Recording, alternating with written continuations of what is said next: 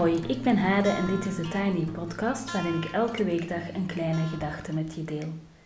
Vandaag is het woensdag 20 mei en de kleine gedachte gaat over uh, voorlezen voor kinderen en uh, de verhalen waaruit ons universum is opgebouwd. En ik ga een uh, column lezen die ik geschreven heb ooit voor uh, Psychologisch Magazine. Um, en mijn rubriek heet daar Moederbrein. Gaat altijd over het ouderschap, gedachten over het ouderschap. Um, en ik vertel daarin over het voorlezen aan mijn zoon van zes. Hij is zes, mijn zoon, en ik heb besloten dat we samen sprookjes gaan lezen.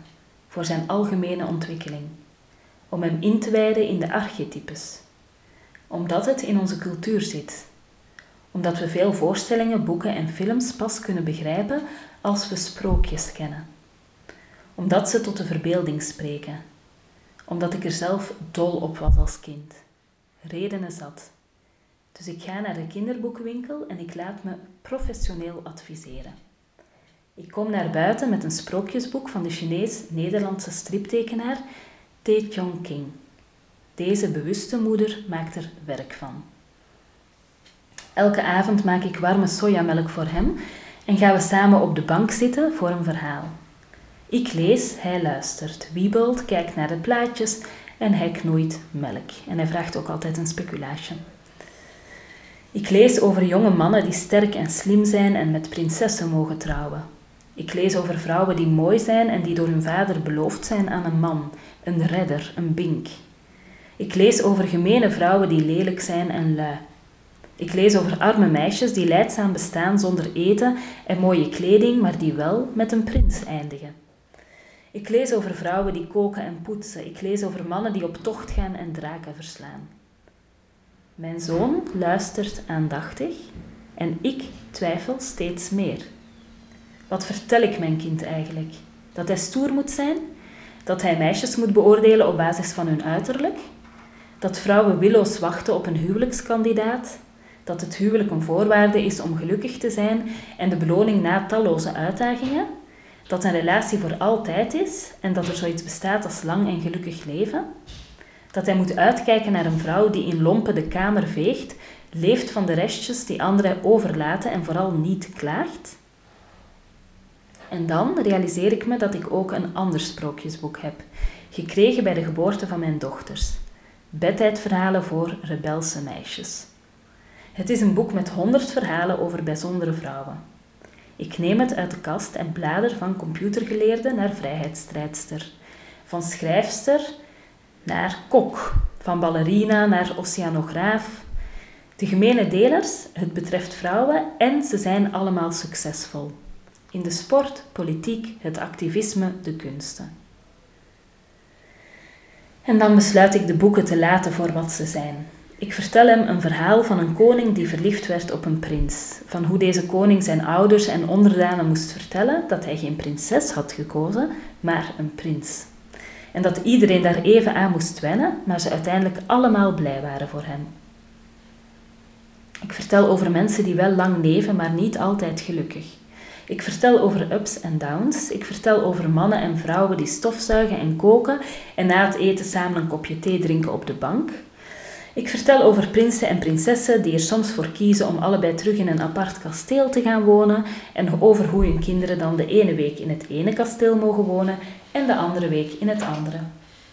Ik vertel over prinsessen die verliefd worden op een andere prinses, van vrouwen en mannen die graag fijn werk willen doen, maar geen baan kunnen vinden en het daar moeilijk mee hebben. Ik vertel over mensen die bijzondere en uitzonderlijke dingen doen en over mensen die elke dag een nuttige en nodige baan doen waar misschien niet zoveel eer mee te behalen valt. Ik vertel over koningen en koninginnen die het meestal leuk hebben samen, maar soms ook ruzie maken over de boodschappen of het dopje van de tandpasta. The universe is not made of atoms, it's made of tiny stories, leerde de Amerikaanse auteur Joseph Gordon-Levitt ons. Ik scheurde dit zinnetje ooit uit en plakte het in een notebook. En daar denk ik aan als ik zijn universum vul, met alle verhalen die hij nodig heeft voor zijn eigen leven, dat hopelijk nog lang is en gelukkig. Zo, dat was uh, de column die ik destijds had geschreven voor uh, Magazine, mijn uh, moederbrein. En ik ben natuurlijk heel benieuwd om van jullie te horen waarmee jullie het universum van jullie kinderen vullen, maar ook misschien je eigen universum. Uh, welke verhalen in jouw universum een rol spelen. Het zou heel fijn zijn om dat in de reacties te kunnen lezen. Um, ja. Je kan me bijvoorbeeld vinden uh, op uh, Instagram, TheTinyPodcast. Um, even kijken. Hè.